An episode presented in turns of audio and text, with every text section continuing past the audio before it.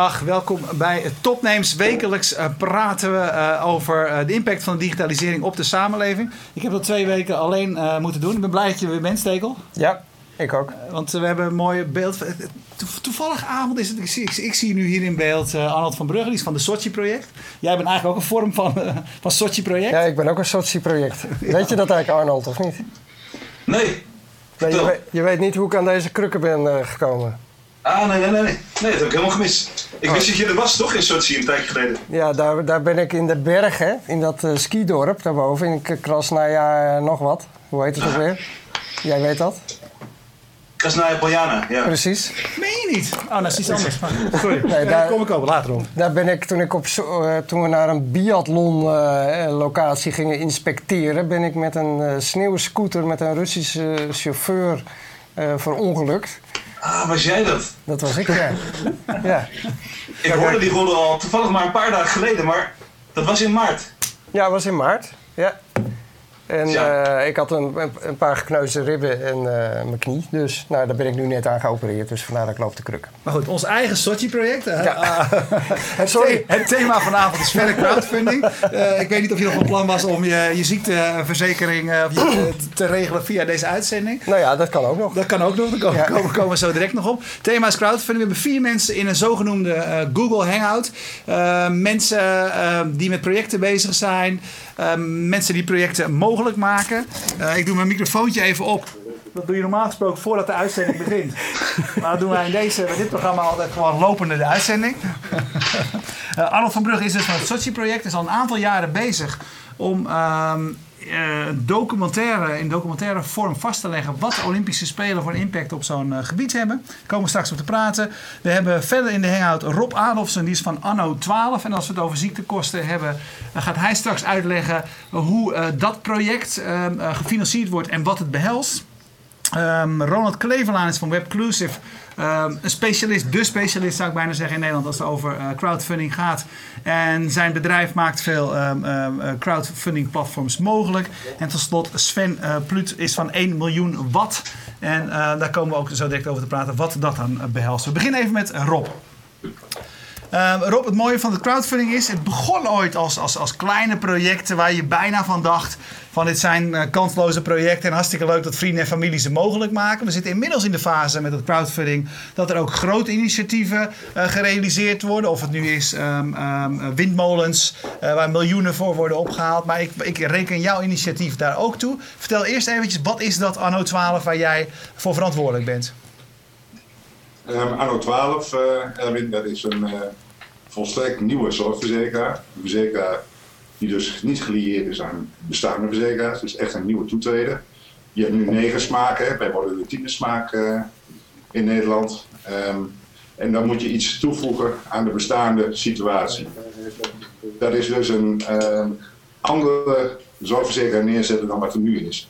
Waar bestaande zorgverzekeraars veel werken met um, zeg maar zorginkoop en kwaliteit van zorg, zitten wij juist op het gebruik van zorg. En je kunt in Nederland voor ongeveer 20%, dat is 7 miljard, te veel zorg gebruikt. Dat heb je dus niet over inefficiëntie in de zorg, maar gewoon de vraag vanuit de consument. Als je die kunt beïnvloeden, mensen bij elkaar kunt halen om daar efficiënt mee om te gaan, dan um, kun je gewoon een stuk goedkoper uit zijn. Wat wij dus gaan doen is uh, in een soort coöperatieve omgeving mensen niet alleen stemrecht geven, maar ook het resultaat wat wij boeken als verzekeraar aan de mensen teruggeven. Dus, dus echt volstrekt van, door en voor de verzekeraar. Ja, hey, en um, um, eerst eventjes, waarom is het belangrijk dat dat er komt? Waarom, ik bedoel, wat, wat is er mis zeg maar, met de huidige partijen?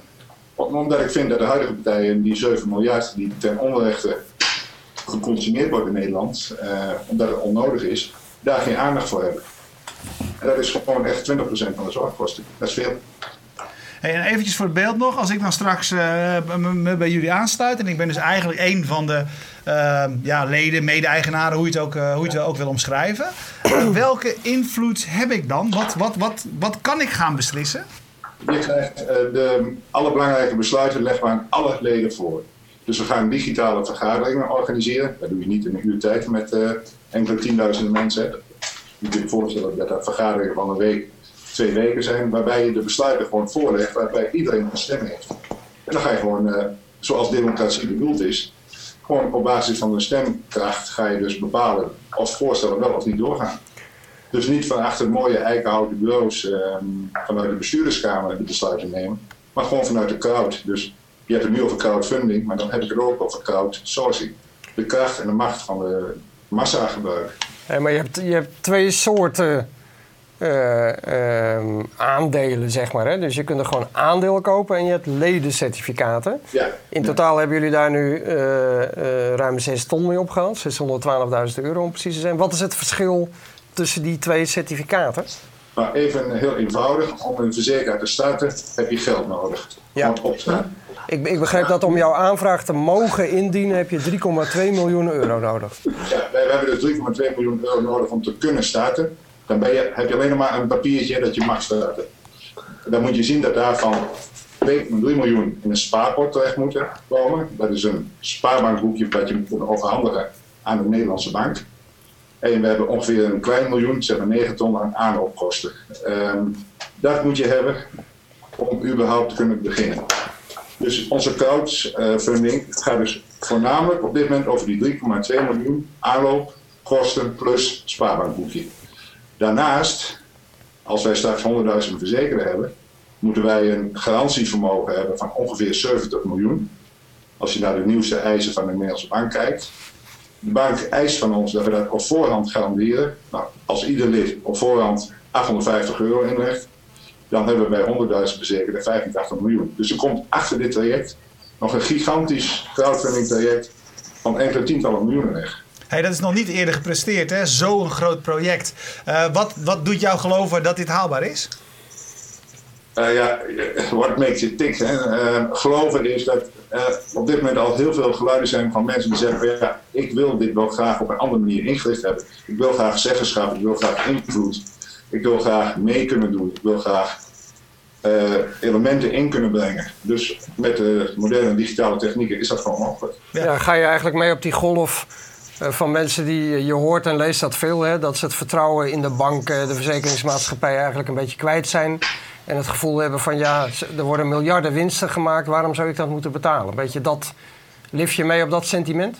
Nou ja, dan zou ik nu moeten beginnen, hè, want dat sentiment is nog maar net van de afgelopen anderhalf jaar. Uh, wij zijn 2,5 jaar bezig, dus ik okay. vooruit. Maar als je ziet dat uh, mevrouw Schippers nu roept in het kader van bijvoorbeeld die zorgverhouden van alle rekeningen moeten gecontroleerd worden door de verzekeringen. Dat zit bij ons al twee jaar lang in de aandacht. Hey, um, een vraag die, eh, die, die, binnenkomt, een opmerking die binnenkomt van uh, Turke 8. Hij zegt, uh, jij zei eerder, hè, de, de, de leden, de aandeelhouders, hoe je ze wil noemen, die, die, die beslissen straks wat, wat we gaan doen. En hij zegt terecht, macht van de democratie, dat klinkt mooi. Hè? Het volk heeft het voor het zeggen. maar zijn vraag is, maar wat blijft er over van het belang van uh, van de minderheid. Hoe gaan jullie wegen? In de zin van de minderheid van in de samenleving? Nou goed, in, in, jullie geval, in de samenleving in het algemeen. Ik bedoel, dat is natuurlijk het probleem van democratie. Hè? Want je kan zeggen, als, als al 53% van de mensen iets vinden, uh, dan is het, is, is het een goede richting om uit te gaan. Uh, hoe, hoe, hoe, kijken jullie daarnaar? Je kunt natuurlijk ook voorstellen dat als je massa groot genoeg is, en bij 100.000 is die meer dan groot genoeg, dan kun je die massa, hè, stel dat 53% zoals jij als voorbeeld geeft, voor meneer X kiest en uh, 47% voor meneer Y, dan kun je waarschijnlijk beide implementeren. Maar dan, dan ga je dus een onderscheid maken tussen een uh, product X en een product Y. Of een faciliteit X en een faciliteit Y. Daar zijn best technieken en mogelijkheden voor. Ja, ja, jij zegt eigenlijk, dit kan ons helpen in de diversiteit. Het is niet zo dat wij zeggen, als er een meerderheid is, dan gaan we die kant uit. Maar het helpt ons maar om uit te vinden waar behoefte aan is, wat mensen belangrijk vinden, et cetera. Nou, om een heel simpel voorbeeld te geven. Ik praat op dit moment met de uh, patiëntenvereniging van de antroposofische zorg. Dat is een beetje zeg maar, in de wat meer alternatieve hoek, maar wel met uh, gediplomeerde, dus uh, gecertificeerde zorgverleners. Ja, als die groep groot genoeg is, kan ik van hun de boel bedienen. dan zal er best een groep verzekerden zijn die daar niet voor is, maar dan heb ik gewoon een diversificatie in mijn aanbod.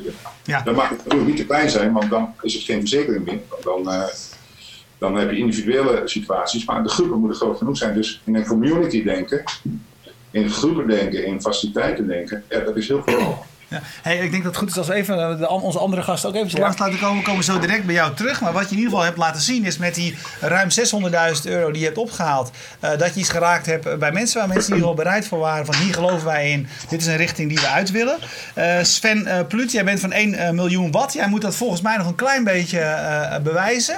Eh, wat is, eh, ik vind wel dat je heel goed... Ik ben, dat is wel goed dat het Ja, dat geregeld heeft. dat opgehangen heeft, Dat hij ja. dat er opgehangen heeft. Gewoon. De branding, de branding is op orde. 1 miljoenwatt.nl op de achtergrond. Dat is, eh, eh, dat is heel goed. Vertel even, wat, eh, wat is 1 miljoen watt? Wat willen jullie bereiken? Ja, met 1 miljoen watt willen we mensen die geen eigen dak hebben of een dak hebben waar een boom voor staat, de mogelijkheid geven om zonne-energie op een ander dak op te wekken. Eh, dat is eigenlijk heel simpel wat we doen. Daarvoor hebben we nu een project georganiseerd op het voetbalstadion van de Euroborg in Groningen. Daar komen 1120 zonnepanelen en mensen kunnen één of meerdere van die panelen kopen en krijgen daardoor 24 jaar lang de voordelen van die zonne-energie. Waarom is het belangrijk dat dit, dat, dat dit er komt? Waarom moet ik meedoen? Eh, omdat we op dit moment een heel groot energieprobleem hebben in de wereld. Hè. Als we willen voldoen aan schone energie, dan moet er ongeveer elke week een kernreactor gebouwd worden. Dus we zitten met een groot probleem. Technisch kunnen we dat oplossen. Alleen, ja, daar is heel veel geld voor nodig. Hè. Er moet tot 2020 1 miljoen miljard geïnvesteerd gaan worden in schone technologie. Nou, dat kunnen we niet aan de banken vragen, want die hebben er een zootje van gemaakt. Dus, dus hè, nu kun je dat zelf voor elkaar krijgen. En daarnaast kun je dus nu gaan verdienen aan je stroomrekening in plaats van dat het alleen maar geld kost. Dus dat is volgens mij een win-win situatie. Jullie hebben een groot dak gevonden hè, waarop je dit kan doen. Ja, ja het eh, voetbalstadion de Euroborg in Groningen. Ja, hoeveel zonnepanelen kun je daar kwijt? Daar hebben wij 1120 zonnepanelen op, eh, op ingetekend. En die zullen zo'n, eh, nou dat is samen zo'n 300 kilowatt piek. eh, die zo'n 280.000 kilowattuur per jaar produceren. En dat is genoeg voor 70 huishoudens. Dus dat laat wel zien dat zo'n project klinkt heel veel. Maar daar hebben we er nog best een boel van nodig om in Nederland een deuk in een pakje boter te slaan op het gebied van duurzame energieopwekking. Hey, 70 huishoudens. eh, betekent het dat eh, eh, als je 70 huishoudens, andersom zeg maar, als je 70 huishoudens gevonden hebt die aan je project meedoen, eh, hebben we dan dat hele dak, dak vol? Hoe, hoe, hoe werkt het crowdfunding stuk? In, hoe gaat dat in zijn werk, de financiering? Ja, er zijn er dus mensen kunnen kiezen om één of meer zonnepanelen te kopen. 15 eh, hebben we als maximum gezet. Met 15 ben je ongeveer zelfvoorzienend. Eh, dus, dus daar moeten we in totaal 1120 keer 550 euro mee zien op te halen. En als we dat geld hebben, we vragen nu de mensen om 10% aan te betalen. Als we het totale bedrag binnen hebben, dan kopen we en installeren we de zonnepanelen en dan bouwen we het project. Ehm, dus, dus ja, daar zitten we nu. De teller staat op, eh, op 65 eh, met nog een honderdtal geïnteresseerden die nog wat vragen hebben. Eh, en we zijn net tien dagen begonnen. Ehm, dus eh, eh, ja, het begin is er Eh, en nu moeten we doorpakken. Ja, de meeste crowdfunding-projecten die vragen mensen eh, eh, toe te zeggen dat ze een bepaald product kopen, of toe te zeggen dat ze in, eh, zich een bepaalde ziektekostenverzekering gaan afsluiten, of op voorhand een storting te doen. Bij jullie werkt eigenlijk net wat anders natuurlijk. Hè? Van, eh, je koopt gewoon een paneel eh, waar je misschien zelf geen ruimte voor hebt, en daarmee draag je bij aan, aan, een, aan een goed doel, namelijk duurzaamheid. Want dat is denk ik jullie belangrijkste drijfveer, of niet? Ja, ja nee, dat klopt. Hè. Dus, dus het is het voorfinancieren van de zonnepanelen, dat is één ding. Maar daarnaast is dit voor ons ook een, eh, een eerste project waar we een aantal diensten omheen ontwikkelen. Hè, mensen geven thuis de, het inzicht in hun eh, opwekcapaciteit van hun paneel. Dus je kan straks inloggen en dan zie je precies hoeveel stroom jouw paneel heeft verbruikt. Wat het gemiddelde verbruik is van de rest van de medewerkers. Ben je efficiënt of niet? Dus in die zin is het ook een soort voorfinanciering van een product wat erbij zit. Eh, en als we Ja. eh, ja, met dit, dit project daar genoeg massa voor hebben, dan kunnen we dat gaan organiseren. Ja, is het alles bij elkaar ook veel efficiënter om duizend zonnepanelen in één keer te installeren dan duizend keer één zonnepaneel? Eh, ja, dat sowieso. Duizend keer één zonnepaneel is, eh, dat wordt nogal een dure hobby. Eh, en eh, vooral Dus in. Amsterdam is het ook lastig. Hè? Er zijn niet eens genoeg daken. 80% van de bewoning is gestapeld. Maar het is Dus dus ook echt een voorbeeld van dat je met elkaar veel efficiënter iets kunt doen. Ja, dus dat, dat, dat zou ik ook zo wel zeggen. Ja, Hey, nog, nog één vraag, die, althans nu. Ehm, de stroom, je, je doet het op Euroborg, FC Groningen. Wat gebeurt Ja. er met die stroom die er opgewekt wordt? Die stroom verkopen we aan uh, de, de, de, voetbalclub uh, als grijze stroom. Dus zeg maar het groenheidselement, dat is voor degene die het zonnepaneel hebben. En van de prijs die FC Groningen daarvoor betaalt, kunnen we de mensen een rendement uitkeren. Dat is, we noemen dat een zonnerente. En die rente die ze ontvangen is ongeveer gelijk aan de stroomprijs die ze vervolgens zouden moeten betalen als ze ofwel bij Essent zitten, waar wij mee samenwerken, of als ze dat niet zouden willen, bij een andere leverancier zitten. Dus op die manier hè, is het eigenlijk een financiële vergoeding die je krijgt, maar die is direct gekoppeld aan jouw zonnepaneel. Gaan de prijzen omhoog, gaat je rendement omhoog. Gaat de zonne-energieproductie omhoog, gaat ook je rendement omhoog. Dus in die zin is het wel ja, heel dicht bij een zonnepaneel op een ander dak. Ja, heel veel mensen doen er nou mee? We hebben nu 65 panelen, uh, of 67 inmiddels al. Kijk, we, hebben er weer twee bij gekregen. Dat gaat een goede kant zie je wel. maar dan hebben jullie nog wel een lange weg te gaan, hè? Hoe, hoe denk je dat voor elkaar te krijgen? Nou, onder andere door dit soort, uh, uh, dit soort gesprekken. Uh, daarnaast staan er deze week publicaties in de Volkskrant en de Trouw gepland. we hebben nog een aantal andere acties op de rol staan samen met FC Groningen. Er is binnenkort een open dag. Um, plus dat we al een redelijke volgelingengroep hebben in, in termen van e-mail. die zullen we ook goed op de hoogte houden en proberen over te zetten tot koop. Uh, en hopelijk gaan we binnenkort ook op meer plekken uh, ja, wat, wat, het gewoon vertellen wat we aan het doen zijn. En de mensen ook gewoon face-to-face uitnodigen. Want dat blijkt toch wel een complex verhaal voor sommige mensen te zijn. En dat nou ja, behoeft denk ik wat meer uitleg dan alleen een website. We gaan even naar Arnold van Brugge. Uh, Arnold, ik uh, werd net getriggerd door uh, Krasna Napoljana. En dat is om de reden dat mijn schoonvader daar geboren is. En ik had die naam, en die, en die naam, en die naam heel lang niet, gehoor, niet gehoord had. Dus daarvoor denk ik, Krasna Napoljana.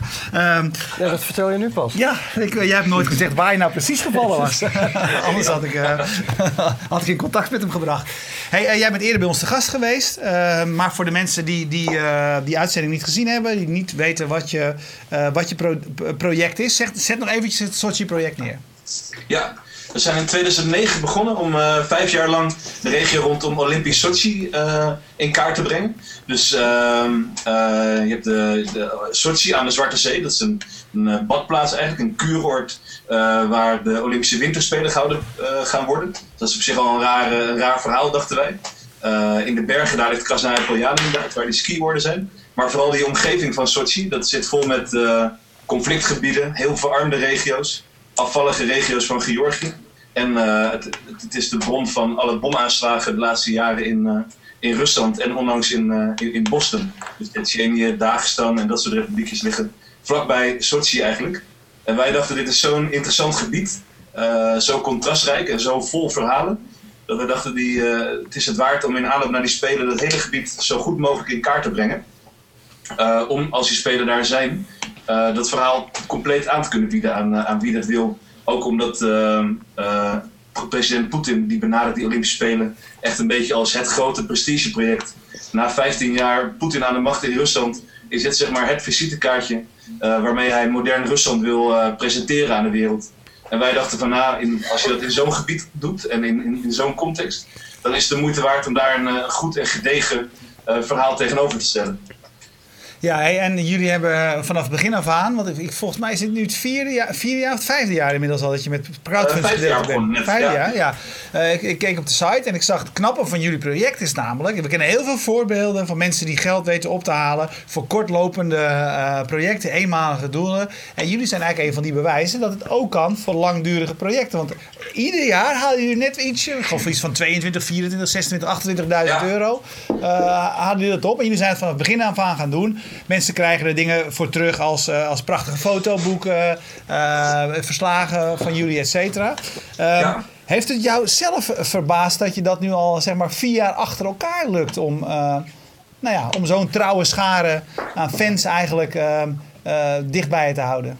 Nou, we wisten echt totaal niet waar we aan begonnen toen we hiermee begonnen. Omdat we, we kennen nog geen vergelijkbare projecten. We hadden eigenlijk alleen gehoord van Spot.us in, uh, in San Francisco, die toen eigenlijk alleen heel lokale projecten uh, crowdfunden. Uh, Kickstarter kende ik toen nog niet, voor mij werd het ongeveer gelijk, gelijktijdig opgestart, dacht ik. Ehm, dus we hebben het wiel helemaal moeten uitvinden. En eerlijk gezegd waren onze verwachtingen veel hoger dan wat we hebben gehaald hoor. Okay. We dachten met zo'n onderwerp, de Caucasus, Olympische Spelen, crowdfunding, dit wordt zo geniaal. Honderdduizend mensen over de hele wereld gaan ons ook maar een tientje geven. Maar, maar, maar Arnold, voor wie het niet weet, je hebt gemiddeld, denk ik, 25.000 euro per jaar tot nu toe opgehaald. Ja, ja. Eh, dat begon in 22.000 het eerste jaar, vorig jaar 28.000. ja. Maar jullie hadden op tonnen gerekend. Wat had je met dat geld gedaan, joh? Nou, we hadden niet per se op tonnen gerekend. Hoewel, als je het zou uitrekenen wel inderdaad. Maar we hadden wel op een veel grotere massa eh, gerekend. Dus dat, eh, we hadden eigenlijk gedacht, we hebben drie categorieën als donatiecategorieën. De eerste is een tientje. Dus daarmee krijg je toegang tot onze website. En de tweede is 100 euro, dan krijg je een publicatie elk jaar. En de derde is 1000 euro en dan krijg je ook zeg maar, special editions opgestuurd elk jaar. Die bij elkaar één grote verzameldoos zijn van die vijf jaar uh, project. En eigenlijk ehm, waren die duurdere categorieën veel populairder en ook veel belangrijker voor ons project. Uiteindelijk dan, eh, dan die goedkope categorie. Die goedkope categorie zijn eigenlijk allemaal alleen mensen geweest die even kwamen kijken bij het project. En totaal niet eh, bleven hangen, zeg maar. Dus die totaal niet een tweede jaar of een derde jaar eh, bleven doneren. Dus onze inschatting aan het begin is eigenlijk best wel verkeerd geweest. Ehm, je moet dus juist heel erg inzetten op de, op de band met je donateurs, persoonlijke band. Ja. En heel erg op ja, toch het, eh, het teruggeven van, eh, van mooie dingen eigenlijk. Van heel tastbare dingen die we maken. En daar hebben jullie die, want ik kan het nu even niet laten zien, maar jullie maken prachtige fotoboeken van een ontzettend hoge kwaliteit. Met eh, heel mooi uitgegeven, met harde kaft en mooi, mooi drukwerk. Eh, is dat zo'n middel wat jullie gebruiken om die loyaliteit eh, op niveau te houden? Ja, zeker. Ja, ik, ik heb hier eentje liggen. Ik weet niet of dat... Kijk, dit is bijvoorbeeld één boek. Ja, je ziet natuurlijk niet echt op zo'n webcam. over Ja. Abhazie, dus dat kleine landje wat... wat eh, Georgië, hè? ligt. Ja. Een fotoboek eh, met veel tekst erin.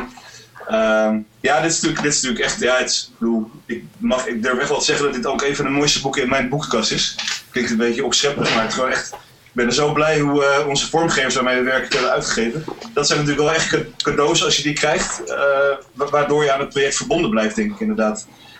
En dat, dat is voor ons wel echt de grootste, de grootste les inderdaad. Dat je gewoon, de kwaliteit moet echt altijd zo hoog mogelijk zijn. Zowel van de dingen die, je- die je geeft aan mensen, eh, in ruil voor hun donaties, als de dingen die, eh, als de communicatie van alles. Dus we proberen, we hebben ansichtkaarten gestuurd naar onze do- eh, donateurs vanuit Sochi. Ehm, we, hebben, we, we sturen een nieuwsbrief een aantal keren per jaar met eh, persoonlijke updates. Onze Facebook- en Twitterpagina's zijn eigenlijk steeds belangrijker geworden, ook om dat permanente contact in stand te houden. Ja, maar goed, ik, Even- ik vind het wel- persoonlijk... ik, heb wel een klein, ik kan wel iets laten zien. Want ik heb vergat nu net al eh, een ander filmpje wat, Peter, wat ik voor Peter en ik hebben klaargezet. Maar we hebben wel een klein filmpje van jullie site gehaald. Eh, een van de recente filmpjes eh, van het Sochi-project. Dus we kunnen nog even een klein beeldje geven van...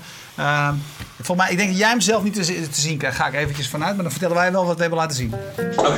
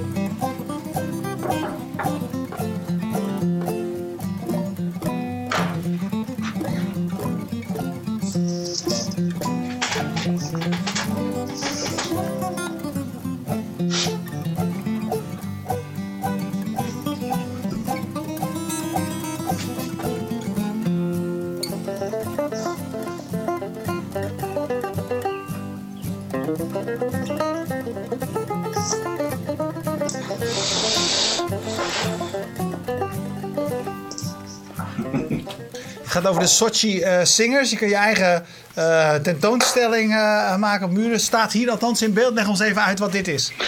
Ja, dit was, we zaten heel erg te zoeken naar hoe we Sochi in beeld zullen brengen. Kijk, je hebt daar in die regio heb je Abhazie, dat kleine landje aan de zuidgrens. Je hebt de Noord-Caucasus, dit dit geweldige, die gewelddadige regio. En dan Sochi zelf, en dat is een, ja, best wel een, eh, een soort Zandvoort aan de Zwarte Zee. Een soort betonnen, betonnen kuuroord. Ehm, niet zo heel mooi eigenlijk. En wat ons eigenlijk het meest trof, we zaten te zoeken naar een manier hoe we dat nou het beste in beeld konden brengen. En ehm, toen bleek dat elke avond als we het eten eh, gingen, eh, daar, als we wat gingen eten, dan kwamen we in een restaurantje of cafeetje terecht met een, eh, met een enorm luide muziekinstallatie. En een zanger en een, een van de gasten zat achter een keyboard muziek te maken. En het gebeurde overal en overal. En het irriteerde ons eigenlijk een beetje. Tot op een gegeven moment dachten van, nou, dit is eigenlijk ook wel echt de essentie van wat Sochi is. Heel langwaarig, stijlloos, uh, totaal eclectisch. Maar ook alweer heel erg hilarisch en geniaal. Dus daar hebben we even uh, boeken van gemaakt. Sochi Singers heette dat. Onze schets van, van, van, van Sochi. En dat, dat waren zulke wanstaltige beelden. Nou, jullie hebben net filmpje natuurlijk gezien hoe dat waren. Dit is het boek, ook een wanstaltig groot boek gouden, gouden ziet te maken. En ja, er zitten een paar van die mooie standbeelden in, maar vooral eindeloos veel. Het is een heel onhandig boek. Eindeloos veel van dit soort, van dit soort restaurants. Ah, goed. Ja, waarom, maar waar, waarom heb je het zo onhandig groot gemaakt? Ja, dat, omdat het gewoon heel erg past. Het past in geen enkele boekenkast dit. Het is gewoon,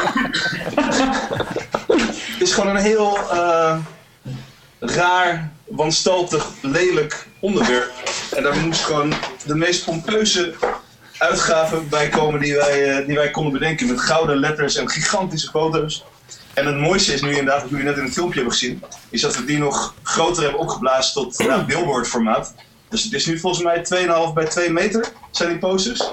En die gaan nu dus de, de wereld rondreizen om, uh, ja, om, om, dat deel van ons verhaal te gaan vertellen het komende jaar. Hey, het, laatste jaar is uh, ingegaan. De Olympische Spelen zijn over 10 maanden, of, of 9 of 8, uh, zoiets. Februari, ja. Ja, um, Jullie, zijn, jullie krijgen natuurlijk voor elkaar hoe dan ook ga je dit project afmaken. Of er lijkt mij. Ja, zeker. Wat wil je dit jaar nog bereiken met je crowdfunding project en met je journalistieke project? Waar we nu het meest mee bezig zijn is het maken van ons, ons laatste boek. Waarin we dus al die verhalen uh, proberen bij elkaar te brengen. Dat is echt een heel moeilijk werk. Omdat toen maakten we gewoon deelverhalen die heel duidelijk waren waar het over ging. Nu moet er één boek komen waarin we aan een veel groter publiek ook trouwens. Vorige oplages waren ongeveer 1000. Nu gaan we naar een oplage van richting de 8000 toe. Uh, wereldwijd. Um, waar we aan een, aan een, veel groter publiek dat hele gebied moeten duidelijk maken. En die contrasten en uh, die rariteiten van het publiek en van, uh, van, van, het, van het gebied en van die Olympische Spelen in dat gebied uh, heel goed moeten kunnen overbrengen. Ja, dat, dat moet, dat moet natuurlijk in januari in de, in, in de handel zijn als je op de golf van... November al, ja. November ja. al, oké. Okay. Ja. En dan gaan we tentoonstellingen organiseren. Ten nu hebben wij locaties weten te regelen in in uh, Moskou, in Antwerpen en Amsterdam en uh, Chicago en New York. En hopelijk komen daar nog wat meer, wat meer steden bij. We zijn nu bezig met Rio de Janeiro, waar natuurlijk ook binnenkort spelen aankomen, die, die ook, waar ook veel over geschreven zal gaan worden. Dus op zo'n manier proberen we, ja, het laatste jaar is vooral echt een kwestie van heel erg dat verhaal de wereld in helpen. Dus we zullen veel minder gaan reizen naar het gebied en minder nieuwe verhalen gaan maken. Dan keihard werken om dat verhaal echt tot in alle uithoeken van de wereld te verspreiden. Echt die, die alternatieve geschiedenis van, uh, van het gebied waar de Spelen komen. Ja. En goed, we komen straks ook nog bij jou terug. Uh, Ronald Kleverlaan, jij bent van uh, Webclusive. jij bent de man die dagelijks in de breedte bezig is met het onderwerp crowdfunding. Ehm, degene van ons allemaal, denk ik, die dus ook het beste, de beste overview heeft. We hebben eigenlijk drie al heel verschillende voorbeelden gehoord. als jij voor ons even moet neerzetten... Uh, in het kort, waar, waar, zijn we nu met dat crowdfunding? Ik zei net al, we hebben gezien van heel dichtbij, uh, van familie et cetera, tot inmiddels heel grote projecten. We zien ook allerlei verschillende gebieden waar het, waar, het terugkomt, van onderzoek tot kunst, cultuur et cetera. Uh, als jij nu op een feestje komt en je moet heel, in, in heel kort samengevat uitleggen waar crowdfunding nu staat, wat zeg je dan? Het staat nog steeds wel aan het begin. er is heel veel gebeurd, dat, dat in ieder geval. Uh, en inderdaad, we begonnen echt een aantal jaar geleden met de kleine, losse projecten uh, die niet eens op een platform aanwezig waren. Nou, ik denk dat het Sochi-project daar een heel mooi voorbeeld van is. Eigen website, zelf geld inzamelen, zelf alle techniek en zelf alle juridische kanten ervan uh, regelen. daarna kregen we een periode van de, platformen. Celeband, Nederlands initiatief, als eerste in, in de wereld eigenlijk die ermee van start ging. Uh, ja, nu kent iedereen Kickstarter als een van de grootste platformen. En ja, wat we nu eigenlijk zien is, uh, de volgende fase is dat er eigenlijk crowdfunding toegevoegd wordt aan bestaande communities. En dat zie je dat het uh, groepen mensen zijn die al bekend zijn. Ik denk 1 miljoen watt doet dat voor een deel. Die sluit aan bij de community rond FC Groningen. Ehm, maar het zijn ook goede doelen die hun bestaande community gaan gaan benaderen om ook crowdfunding toe te voegen binnen hun fondsenmix. Dus ik denk dat dat even de, de huidige status is. En ja, de trends die je ziet is inderdaad, projecten worden groter. Je ziet dus nu inderdaad dat projecten die eerst tienduizenden euro's maximaal uh, ophaalden. Nou, ik denk dat uh, Anno 12 een mooi voorbeeld is, maar ook natuurlijk de windcentrale die 7 miljoen euro heeft opgehaald. Ik ben zelf nu in gesprek voor een project die enkele tientallen miljoenen wil gaan ophalen. Dus het is, die bedragen worden groter. Maar aan de andere kant zie je juist de hele lokaalheid, wat je, waar je het net zelf over had, uh, vrienden, familie, uh, voor het, het, ontwikkelen van buurtinitiatieven. Van een kleinschalige initiatieven die gaan steeds meer en steeds makkelijker worden die opgestart via uh, bestaande platformen, maar ook initiatieven die mensen zelf, zelf ontplooien. Ja, hey, ehm, Rob Adolfsen van Anno 12 die zei net voor de uitzending, denk ik. Ja, eigenlijk is het ook niet zoveel nieuws. Het is gewoon met de pet rondgaan. Dat is wat het is. Ja, nou, um, ik, ik, zou iets wat... meer omschrijven dan de pet omgaan, maar het is niet nieuws, dat is zeker. Maar, maar waarin onderscheidt het crowdfunding zoals we het nu zich zien ontwikkelen... van hoe je dat vroeger ook gewoon deed? Als je iets wilde gaan doen en je was enthousiast... Uh, ja, dan ging je geld ophalen en dat deed je toen met de pet. En, en nu doen we het met andere middelen. Maar wat, is er, wat onderscheidt het huidige crowdfunding van hoe het vroeger ging? Ik denk juist dat, het, dat er heel weinig echt verschil is. Het enige grote verschil is dat we nu het internet hebben, we hebben social media en we hebben online bankieren, waardoor dat veel efficiënter kan. Dus je kunt uh, nog steeds diezelfde groep gaan benaderen. Je hebt nog steeds diezelfde community waar je normaal gesproken met de pet rond kan gaan. Maar in plaats dat je letterlijk de hele stad en het hele land af moet reizen om bij iedereen aan te kloppen, uh, kun, je, kun je mensen nu uh, persoonlijk bellen, mailen, chatten en je kan ze rechtstreeks verwijzen naar een centrale locatie ja. Een online locatie waar je al die investeringen, donaties, want in dat opzicht, crowdfunding is natuurlijk heel divers. Het kan van, van investeringen in bedrijven zijn tot met de donaties. Dat wordt allemaal op één plek gecentreerd. Ja, misschien kunnen we even naar Rob uh, Adolfs, want daar kwam die opmerking vandaan. Want als, helemaal als je het hebt over verzekeringen, Rob, de, de oude coöperatie is zo oud als het. We hebben zelfs, uh, ik woon toevallig in Waterland. Dan heb je nog steeds de onderlinge Waterlandse waarborgverzekering waar je gewoon je huis kunt verzekeren. Ja, klopt. Uh, kijk, de, de onderlinge, de coöperaties stammen allemaal uit het begin van de 19e eeuw. Enkeling eind uh, eh, 18e eeuw. Maar dat is toch eigenlijk wat jij nu weer gaat doen? Ja, daarom heet we ook Anno. Een beetje terug naar back to the roots. back to basics allemaal Engelse kreten, terwijl het allemaal natuurlijk heel natuurlijk uh, klassiek is. Ja, de, het, is, het is eigenlijk heel oude wijn, of sorry, niet, oude wijn in nieuwe zakken. Meer is het gewoon niet. En daarin heb je, en uh, Ronald gaf het net al aan, de digitale wereld maakt het mogelijk dat je een principe als anytime, anyplace, anyhow kunt uitvoeren. Hè? Om een voorbeeld te geven. Wij werken zelf met één platform, hè? dat is AGM goedgekeurd, nou. Maar denk niet dat alle geld nou rechtstreeks naar de platform ging. Er waren een heleboel mensen die gewoon een probleem hadden om zo'n manier van betalen, met Ideal, met Buckaroo erachter. Eh, daar waren ze gewoon niet gewend. Je merkt gewoon dat nog lang niet iedereen aan dat soort betalingen gewend is. Dus een redelijk aantal betalingen zijn gewoon rechtstreeks op mijn bankrekening overgemaakt. En die vervolgens keurig netjes crowdfunding platform heb ingeleid. Uh, dus ook dat is een soort anyhow benadering. Het wordt wel gecentreerd en terecht, want je moet er wel ergens bundelen. Maar eh, het anytime, anyplace, anyhow principe is natuurlijk het grote verschil met wat we in de 18e eeuw hadden. Hey, uh, als, je, als je, wat je net aangeeft is eigenlijk, tenminste als, als, als ik erover nadenk, zeg jij daarmee ook van ehm, uh, net zei Ronald van we staan nog aan het begin. Maar jij zegt eigenlijk er zijn voor veel mensen nog best veel drempels, zeg maar. Hè? Technische drempels, uh, betalingsdrempels, et cetera, te nemen. Dus deel jij zijn mening dat, dat dit soort mogelijkheden met elkaar financieel dingen mogelijk maken eigenlijk nog aan het begin staan? Want er zijn andere mensen die wel zeggen ja dit is zo'n hype die gaat weer snel over.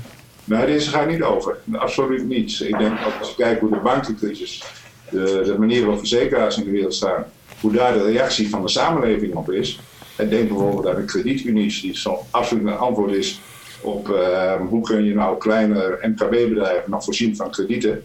En samen uh, iets geld bij elkaar leggen. Een mensen die toch iets meer willen dan een simpele bankrente uh, ontvangen. En dan middelen alleen maar inzetten voor helpen van midden- en kleinbedrijven. Dat soort veranderingen zie je nu in een razend tempo op gang maken.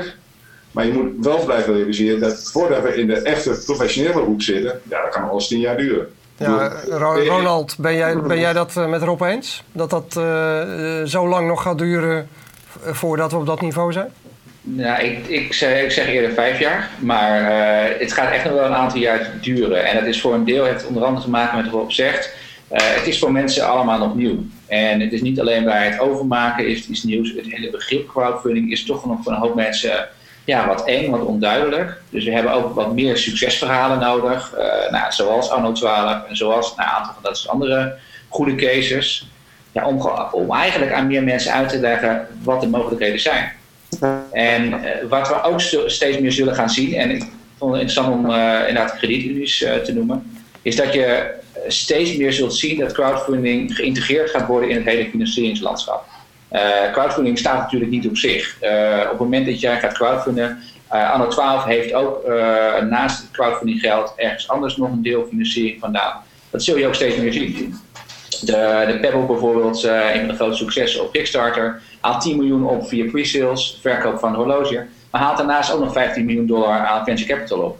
Een traditionele financiering die als groeifinanciering toegevoegd wordt. Ja. Dus je zult steeds meer zo'n zo'n vervlechting zien uiteindelijk van de verschillende vormen van financiering die er al zijn. Uh, en ook bankaire financiering zal er echt wel voor een deels bij horen. Hey Sven, um, uh, herken jij dat? Dat het moeilijk is om, of dat, dat er nog veel nodig is om mensen duidelijk te maken.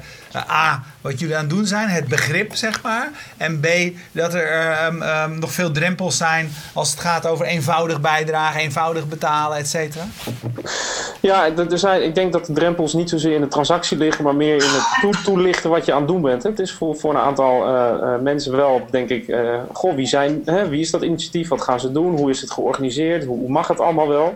Er leven nog een heleboel vragen. En dan ben ik ook blij dat we twee mooie partners hebben, zoals Essent en een FC Groningen. Die, denk ik, waarmee we wel laten zien van, goh, moet je eens luisteren, hebben hier goed over nagedacht. Um, dus ik denk dat dat vooral uh, iets is waar wij ons ook goed op moeten richten. Hè? Gewoon het verhaal uitleggen dat we hier serieus mee bezig zijn. Maar dat dat ook voor de andere initiatieven die er gaan komen van belang is. Hoe je nou, je ze daarin kunt helpen en ondersteunen. we zien ook bijvoorbeeld op duurzame energiegebied zijn er een heleboel initiatieven in Nederland. Zo'n 450 clubjes, zoals ons, die ook samen zonne-energie willen opwekken of samen een windturbine willen kopen. Nou, als we die goed kunnen helpen om die, die, nou, dat proces in te richten, dan kan het heel snel gaan. Dus ik denk dat met name daar uh, komende periode een, een uh, ja, ruimte is om dat stuk te verbeteren. Ja. Um, Arnold, um, jij bent uh, de veteraan van, van, van dit gezelschap. Sven die gaat eventjes tussenuit, zie ik in mijn beeld, maar die komt vast zo weer terug. Hey Arnold, jij bent de veteraan in dit gezelschap. Ik hoor jou, wij, wij, wij noemden net op dat je gemiddeld zeg maar 25.000 euro opgehaald per jaar. Prachtig. Maar onmiddellijk toen jij die grote, toen jij die grote, die grote boeken liet zien, dacht ik: hoeveel geld is er alweer opgegaan aan al die boeken? Oftewel, zou je dit eigenlijk ooit weer doen? Ja, want je moet ook voorstellen dat met die boeken doen we ook weer investeringen in de toekomst. Dus die boeken die verkopen we ook weer. Die gaan niet alleen maar naar de donateurs toe, maar die komen ook de winkels in en die gaan in onze webshop.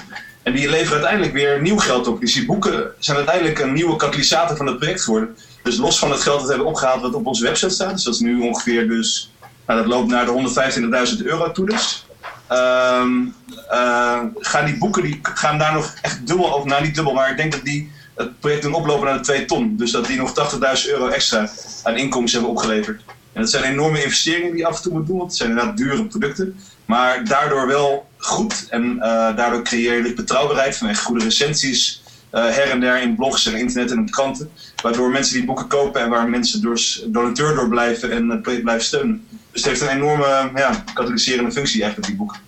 Hey, je moet wel een ander soort maker zijn uh, dan we gewend waren als je dit tot succes wil maken. Want je vertelde eerder al, cruciaal is het uh, die relatie aangaan met de mensen, die relatie onderhouden, laten zien hoe belangrijk ze voor je zijn, et cetera. Uh, je zou kunnen zeggen dat is niet de klassieke, tussen aanhalingstekens, maker. Want die, die, die werkt vaak in stilte, maakt een prachtig eindproduct en dat moet dan met, met een uitgever of met een andere partij zijn weg vinden. Um, ja. ja, wat betekent dit voor ja, andere mensen die maken en dit, en, en dit soort projecten willen doen? Je valt weg naar wat betekent dit? Oh. Nou, dat is voldoende, want dat is een goede vraag. nee, maar als je even kijkt naar ik- wat ik zei. Wat ik zei Ehm, ja? Kom er maar in. Ehm, nou, dat je inderdaad, dat het dus eigenlijk als je zo'n soort project opneemt, dat het veel verder gaat dan alleen het maken van de inhoud. Dus stel je was vroeger journalist van Vrij Nederland, waar wij ook af en toe voor schreven. Eh, dan ging je op pad, je schreef een groot verhaal, misschien dat je nog voor een paar andere tijdschriften een verhaal schreef. Je kwam terug en dat was het eigenlijk. Je kon er nog een blogje over bijhouden. Maar dit, dit ehm, verbreedt het enorm. En dat, dat is ook wel meteen een nadeel van crowdfunding hoor. Het kost enorm veel tijd. Het is een, het is een soort eh, bedrijf wat we hebben opgericht. Eh, dat Sochi Project is, eh, is veel meer dan alleen een journalistiek project. Het is ook gewoon een gigantische administratie. Een enorme, eh, inderdaad, communicatie, eh, nou, hoe zeg je dat? Industrie, eh wat zelf je moet oprichten. Nee, Ja, maar, en- maar Arnold, is het leuk of is het lastig? Zou nee, je... het, is, het, is, het is echt fantastisch. Het is ook echt eh, verslavend, vind ik hoor. Ja, maar Ehm, dus wat dat betreft, ja, als we- je, als je we zou kunnen... daar ook echt een, een nieuw publiek mee aan, denk ik. Ja, als je zou kunnen kiezen tussen gewoon subsidie van een ton, want dat heb je nu ongeveer binnengehaald, eh, of dit project, dan heb je hier toch wel veel van geleerd, denk ik. Ja, zeker. In het begin is het natuurlijk altijd moeizaam, want je moet die, die betrouwbaarheid winnen en dat vertrouwen winnen. Dus in het begin gaat het heel klein.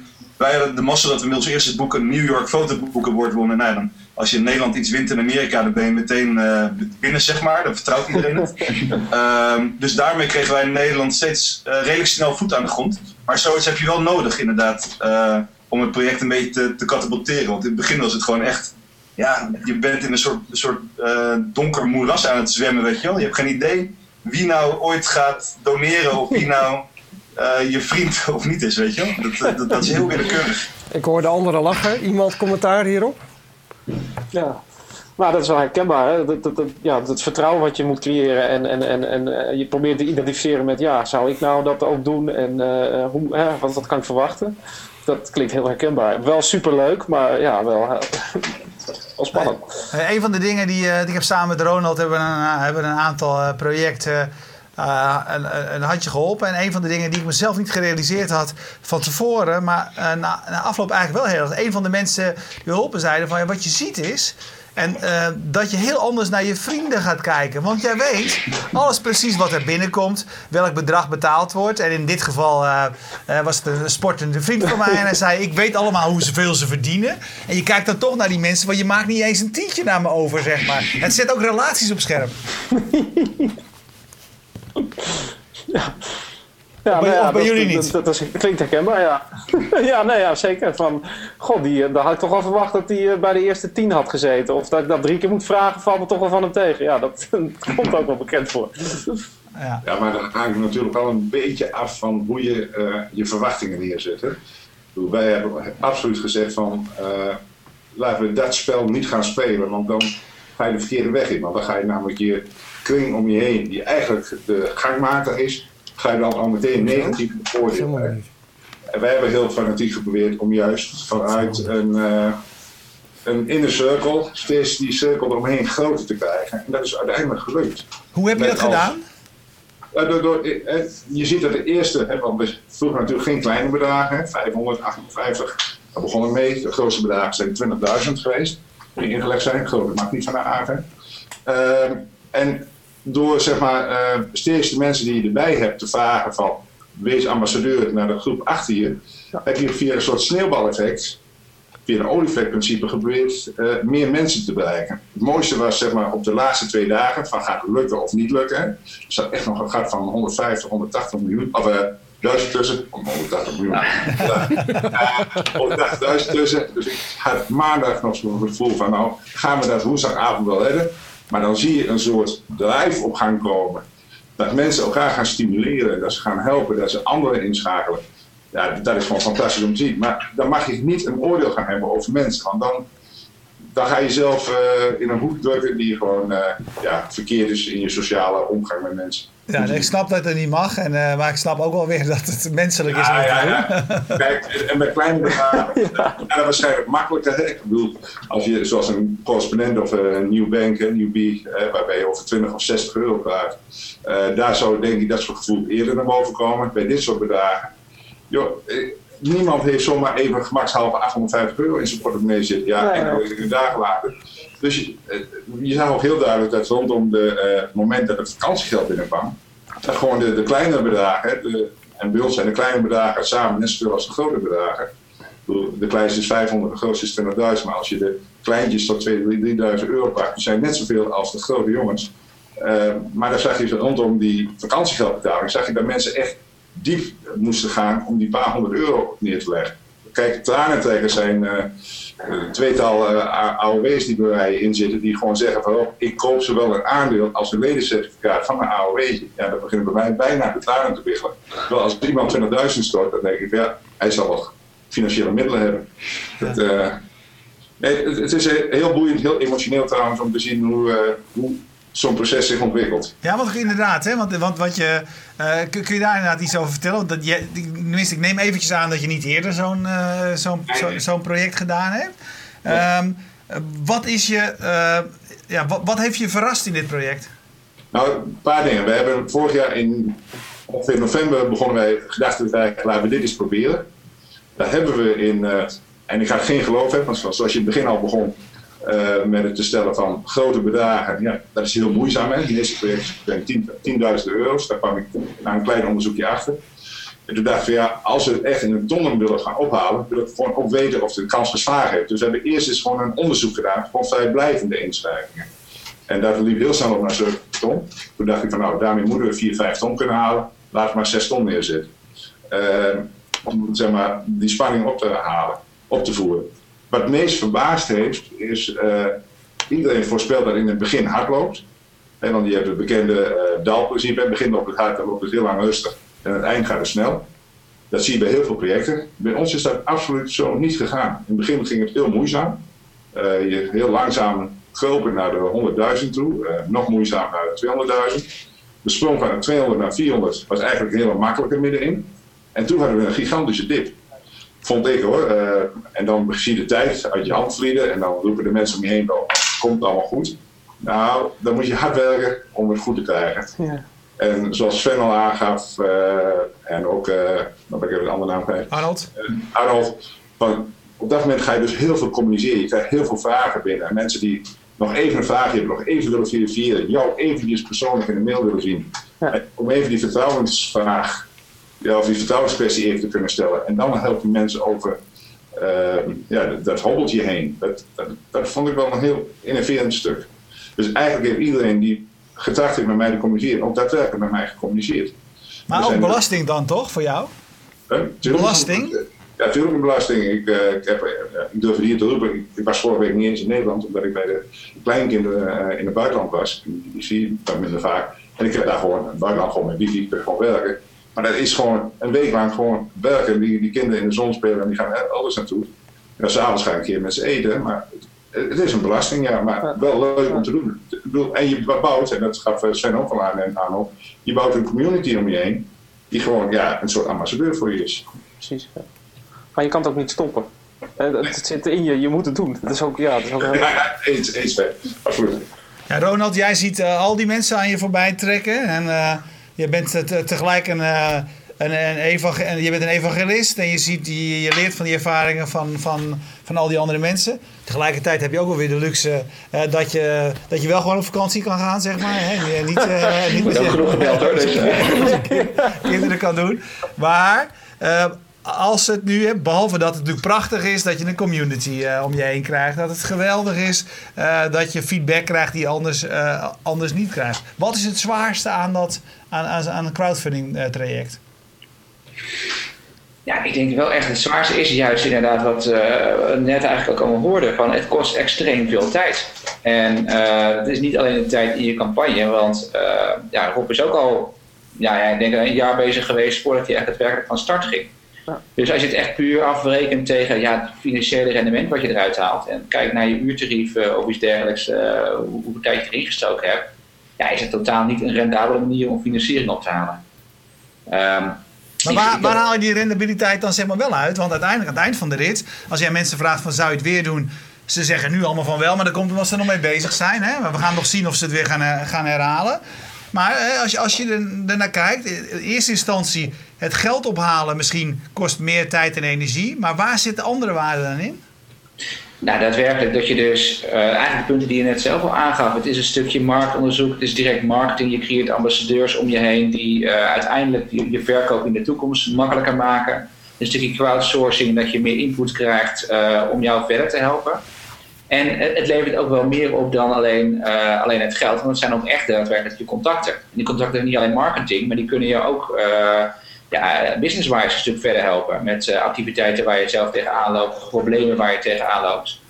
Ja, maar, dus dat levert het echt zo op. Ja, maar los daarvan een opmerking op Twitter van, ik weet niet hoe ik het uit moet spreken, maar Denikio Hilman. Die zegt, bezint voor gij begint. Het kost veel tijd, organisatie en administratie, maar het is wel leuk. Daar ben jij het denk ik heel erg mee eens.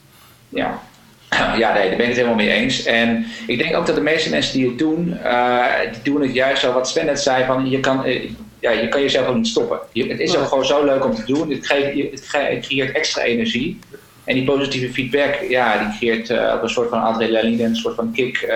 ik, ik kan ik durf te beweren dat iedereen uh, s'nachts uh, wel eens wakker is geworden om even te kijken van goh, zijn er nog mails of uh, is er weer een extra bijgekomen? wat Sven net zei, hij staat op 67. je weet uit je hoofd op welk moment hoe ver je bent in je campagne. Hey Arnold, um, vandaag werd er bekend dat uh, 10 Pages, 10 Pages was tot nu toe een, een platform uh, voor, zou je kunnen zeggen, onbekende schrijvers. Uh, die, een, die eerste hoofdstuk plaatsen. En waar mensen zich op konden inschrijven als soort aandeelhouders van een boek. Zij je begonnen een nieuw initiatief. En dat, is een, dat initiatief houdt in. Ook bekendere schrijvers uh, gaan, gaan, gaan aan crowdfunding doen. Dus zij zeggen van ik heb een idee. Als er genoeg mensen zijn, gaat dit boek geschreven worden, gemaakt worden. Um, waarom geef ik dat voorbeeld is. En jij hebt zelf, zelf ook wel even voor andere dingen geschreven. Er zit natuurlijk ook een groot afbreukrisico in dat, in dat crowdfunding. Hè? Als jij een onbekende uh, partij bent die een initiatief neemt, nou ja, als het niet lukt, het zal wel, zeg maar. Uh, maar maar als, als, als, als grote schrijvers gaan zeggen: ik ga alleen maar mijn boek schrijven als er zoveel geld is. En mensen kijken ook wel. Hè, ik bedoel, we zijn geen land wat, wat, wat zegt over het algemeen: falen is goed. Ja, Nee, zeker. Ja, nee, dat, dat, dat is rampzalig natuurlijk ook bij, bij die dingen die je nu ziet op... Wij, wij hebben een beetje gesmokkeld eerlijk gezegd. Wij hebben altijd gezegd, we hebben 30.000 per jaar nodig. Dat stond vanaf het begin waren op onze website. We hebben het eerlijk gezegd nog niet gehaald. Behalve dan met alle andere inkomsten erbij uit artikelen en uh, boekverkoop. Um, maar we hebben dat niet gepresenteerd als van, oh daarom gaat het project niet uitvoeren. Maar in principe bij veel websites, uh, zoals voor de kunst dacht ik en Kickstarter, dan wordt je er inderdaad meteen uitgegooid. En dan heb je toch heel veel investeringen en heel veel tijd voor, uh, voor niets gedaan. Ja. Maar uh, wat ik hoorde eigenlijk net uh, Rob zeggen van, van anno 12. Bij hun heeft het juist wel geholpen dat er die. Hè, dat, dat, dat er zoiets. Daardoor kregen ze op, op het laatst nog zo dat de hele groep mee ging werken. Uh, om, het, uh, om, om het te realiseren. Ja, heb, jij, heb jij niet wel eens gedacht. Als je schrijver bent. Of. Maakt het uit? Wat, zeg, wat, waar je zegt wat het verschil? Sorry, wat zeg je? Ik, nou ja, uh, kijk, hij, hij zegt, hè, dus de, de, en dat is natuurlijk de algemene regel een beetje. Bij, alle, bij de kickstarters van deze wereld. Je hebt wel andere sites, uh, zoals Indiegogo, waar je niet per se een doel hoeft te halen. Want dan maar dan gaat het vaak over, er is een overstroming. En al het geld wat binnenkomt is natuurlijk meegenomen. Um, heb jij wel eens over, uh, over gedacht dat je misschien dat jullie verder waren gekomen... als je wel misschien die, die, die duidelijke deadlines had, had benoemd? Um... Dat weet ik niet eigenlijk. Dat, ja, dat, dat, dat is een beetje een soort. Of heb je gewoon een laffe, een laffe methode gekozen? ja, precies. Ja, ik, ik, denk wel achteraf denk ik wel dat ik heel graag uh, had willen meeliften op dat soort fora. Hoewel, wat je in het begin zei, het is voor mij bestaan dat soort fora nog niet voor, uh, uh, voor meerjarige projecten. Het zijn eigenlijk allemaal projecten die één keer geld moeten opbrengen en daarna klaar, klaar zouden moeten zijn. Uh, maar ik had heel graag inderdaad mee willen liften op de, op de uitstraling en op de organisatie van zo'n uh, van zo'n forum. Waar je dus inderdaad wel met zo'n deadline te maken hebt, maar waardoor je het wel veel makkelijker kan presenteren. Want ja, wij wilden zelf moeten uitvinden. Dat was in het begin echt, werkte het voor geen meter eerlijk gezegd. Ja. Hey, um, ik zit me eens af te vragen, Stekel, hoe doet zo'n uh, Matthijs van Nieuwkerk dat? Joh, met al die gasten in zo'n korte tijd. En ik denk, we zitten al een uur te praten en we zouden nog een uur door, door kunnen praten. Maar we moeten toch gaan Nee, maar dan moet je gewoon na zes minuten zeggen van nou, hé, hey, dankjewel. En uh, volgende gast. Ja, ja. Kan toch ook. En een goede sidekick ernaast. Uh, hey, we zullen even één rondje langs iedereen, kort, met, met korte vraag, een korte vraag langs iedereen. En de belangrijkste vraag is voor mij eigenlijk natuurlijk wat we hier doen. We hebben jullie ervaringen gehoord. Maar wat, voor, voor, ons is dat belangrijk. Geef ervaringen door aan andere mensen. Rob, als er, één, als, er, als er één les is die jij geleerd hebt die je aan anderen zou willen doorgeven, wat is die? Nou, eigenlijk heeft Ronald dit net al benoemd. Uh, dat is van je moet een compleet nieuw netwerk om je heen bouwen. En het bouwen van een netwerk kost tijd, heel veel tijd. Dus wij, als ik terugkijk, dan hebben we heel veel eh, tijd afgelopen jaar, anderhalf jaar gestoken in een netwerk bouwen. En dat heeft nu dus resultaat opgeleverd. Als we dat niet gedaan hadden, als we koud waren begonnen, was het niet gelukt. Dus het hebben van een netwerk op voorhand al, dus het uh, hebben van mensen die het interessant vinden, dat is uh, de les die ik daar wel uit geleerd heb. Ik bedoel, bij ons is het goed uitgepakt. Maar heel concreet betekent dat dat voordat je ook op een, een bestaand platform iets gaat doen, dat je eerst in je omgeving, in je netwerk gewoon moet testen of het een goed idee is? Uh, A, bij dit soort bedragen moet je sowieso testen, maar B, je moet het netwerk, dat je al een soort uh, ja, mensen om je heen hebt die al het lef hebben om met je mee te gaan, maar die al jou een beetje begrijpen. Ja. Want uh, daar gaat Sven in het begin ook al aan over die zonnepanelen. Je moet het wel begrijpen wat daarmee gebeurt. En dat doe je door van tevoren energie in te steken. Ik heb nu een paar keer een presentatie gehouden over van en hoe loopt dat crowdfunding dan? En dan, toen was het nog geen succes, hè, was net een week ervoor. En toen heb ik neergezet van leer dat je gewoon je netwerk moet bouwen. En dat heeft zich uitbetaald. Oké, okay, netwerk bouwen als belangrijkste. Uh, Sven, uh, jij moet nog heel veel zonnepanelen op het dak van de Euroborg, de, het stadion van FC Groningen, uh, zien te krijgen. Ja, Welke les heb jij tot nu toe geleerd van jullie campagne? Uh, nou, aanhakend op het vorige, begrijpen is uh, iets wat wij... We zijn 2,5 jaar lang achter de schermen bezig geweest met netwerkopbouw, met het project technisch dat binnen de, de ontzettend rare regelgeving in Nederland dat dat allemaal mag. Dus, dus, dus het klopt wel. Maar om vervolgens de versimpeling te maken zodat iedereen het snapt, daar hebben we denk ik, ja, zijn we net te snel in gegaan. En daar hadden we misschien nog iets meer tijd voor uit moeten trekken. Om één ja. keer goed met mensen die, nou, die echt helemaal niet weten op de Albert Kuipmarkt te gaan staan.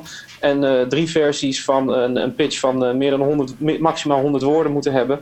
En dan te checken van snap je het in deze termen. Ja, is, het, is het ook niet lastig om op de Albert Kuipmarkt aan Ajax-fans uh, zonne ja. zonnepanelen te verkopen van een andere club? Ja, dat, dat, dat, achteraf gezien misschien maar goed dat we dat dan vanuit dat perspectief niet hebben gedaan. Maar, uh, hij, hij probeert een beetje begrijpelijk rond te maken, denk ik. nee, het, het, het, het, uitleggen en het, begrijpen en dat testen, dat ja. is denk ik een hele belangrijke. Helder. Arnold, jij, uh, de, de, veteraan. We vertrouwen jou uh, op dit gebied. Eén les. Ja, ik, ik ik sluit me aan bij uh, de, de, wat, wat, Ronald zei inderdaad. En, en op mijn, het, het, gebied waar ik in zit, dus kunst, cultuur en, uh, en, en, journalistiek dus. Daar, zal het vooral, daar, daar heb ik echt de afgelopen jaren meegemaakt. Het wordt overstroomd door uh, aanvragen voor crowdfunding. Dus echt iedereen die wil een klein project pitchen en die hoopt dan dat je daar, omdat je in de inner circle zit, aan mee wil doen. Ik denk dat dat die, die basisopstap, zeg maar, van je, eigen netwerk aanspreken, dat dat alleen maar veel moeilijker zal gaan worden eigenlijk. Omdat mensen die worden een beetje overvoerd door. Dus inderdaad, het beginnen met een breder netwerk en met ook misschien een iets bredere naamsbekendheid of een, of een, uh, een, een, ja, een bredere, breder platform waar je kan presenteren, wordt volgens mij zoveel belangrijker nog dan het afgelopen jaren was. Ik denk dat dit waren de jaren een beetje van het, uh, het amateurisme, van de goed, goedbedoelendheid zeg maar, in het crowdfunding. En dat zal gewoon op een veel professionelere en bredere manier moeten worden, worden ingezet. Ronald, uh, de laatste vind ik wel interessant. Hè? Als, als dat crowdfunding inderdaad nog, uh, nog aan het begin staat en iedereen komt uh, crowdfunden. Hè? Ik bedoel, laten we eerlijk wezen. Ik weet niet hoeveel Alp du 6 ploegen jij nog gesteund, nog gesteund hebt dit jaar. Maar ik was er eerlijk gezegd wel een beetje klaar mee. dat is wel een serieus, een serieus probleem of een aandachtspunt lijkt mij. Ja, nee, helemaal waar hoor. En, uh, hebben we al eens over gehad. En nou, ga je niet een uh, crowdfunding uh, register krijgen op een gegeven moment. hè, dat mensen dat gaan aanvragen. Ik, ik, denk eerlijk gezegd, het valt nog wel mee. Inderdaad, in bepaalde sectoren is het nog wel, ja, gebeurt veel kunst en cultuur in een bepaald netwerk. wordt het redelijk overvraagd wellicht. Aan de andere kant, als je gewoon de gemiddelde Nederlander op, het Kuip vraagt wat is crowdfunding, begrijpt bijna niemand je of en heeft het zeker niet gebruikt. Dus eigenlijk wat ik zelf ik denk dat de grootste stap die gemaakt kan worden om crowdfunding echt groot te maken, uh, en dan niet alleen in Nederland, maar dan ook in, in heel Europa, is gewoon puur educatie. Is van wat is het nu eigenlijk? Wat kun je ermee? En uh, afgelopen week ben ik nog in Brussel geweest en de Europese Commissie wil daar ook allerlei acties rond, rond Startup Europe gaan doen. Dus dat komt voor een deel wel. En eigenlijk zou ik iedereen die, die nu kijkt gewoon vragen: ga, zoek een van de projecten uit die nu nog loopt doe eraan mee, desnoods de kleinste instap. Want dan leer je een beetje het proces wat crowdfunding is. Want eh, je hoort het wel vaak langskomen in de media. Maar pas als je er echt aan deelneemt en ziet de passie van de ondernemer die erachter zit. En ook de updates die je krijgt en hoe je in het hele proces meegenomen wordt. Eigenlijk dan pas leer je de kracht van crowdfunding kennen. En dan kun je ook als, bijvoorbeeld als ondernemer zien van nou, misschien is het voor mij uiteindelijk straks ook. Uh, hoef ik niet naar de bank te stappen. Ga ik gewoon in één keer beginnen met crowdfunding. Heel goed, hey, dankjewel. Arnold, Sven, uh, Ronald en uh, Rob, bedankt voor uh, jullie tijd. wij hebben weer een hoop geleerd en ik hoop degene die gekeken hebben en on later nog gaan kijken ook.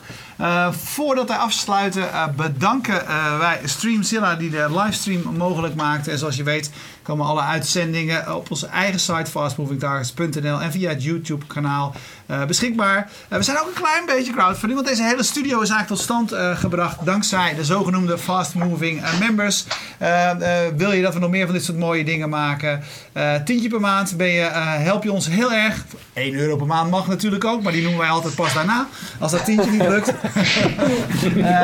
maar goed, dat, die, die, knop vind je op de site of fastmovingtargets.nl. Daar staat de knop Word member en dan help je ons de zomer, de winter en het jaar door. Dank jullie wel. Dag.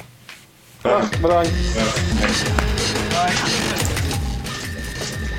Ja.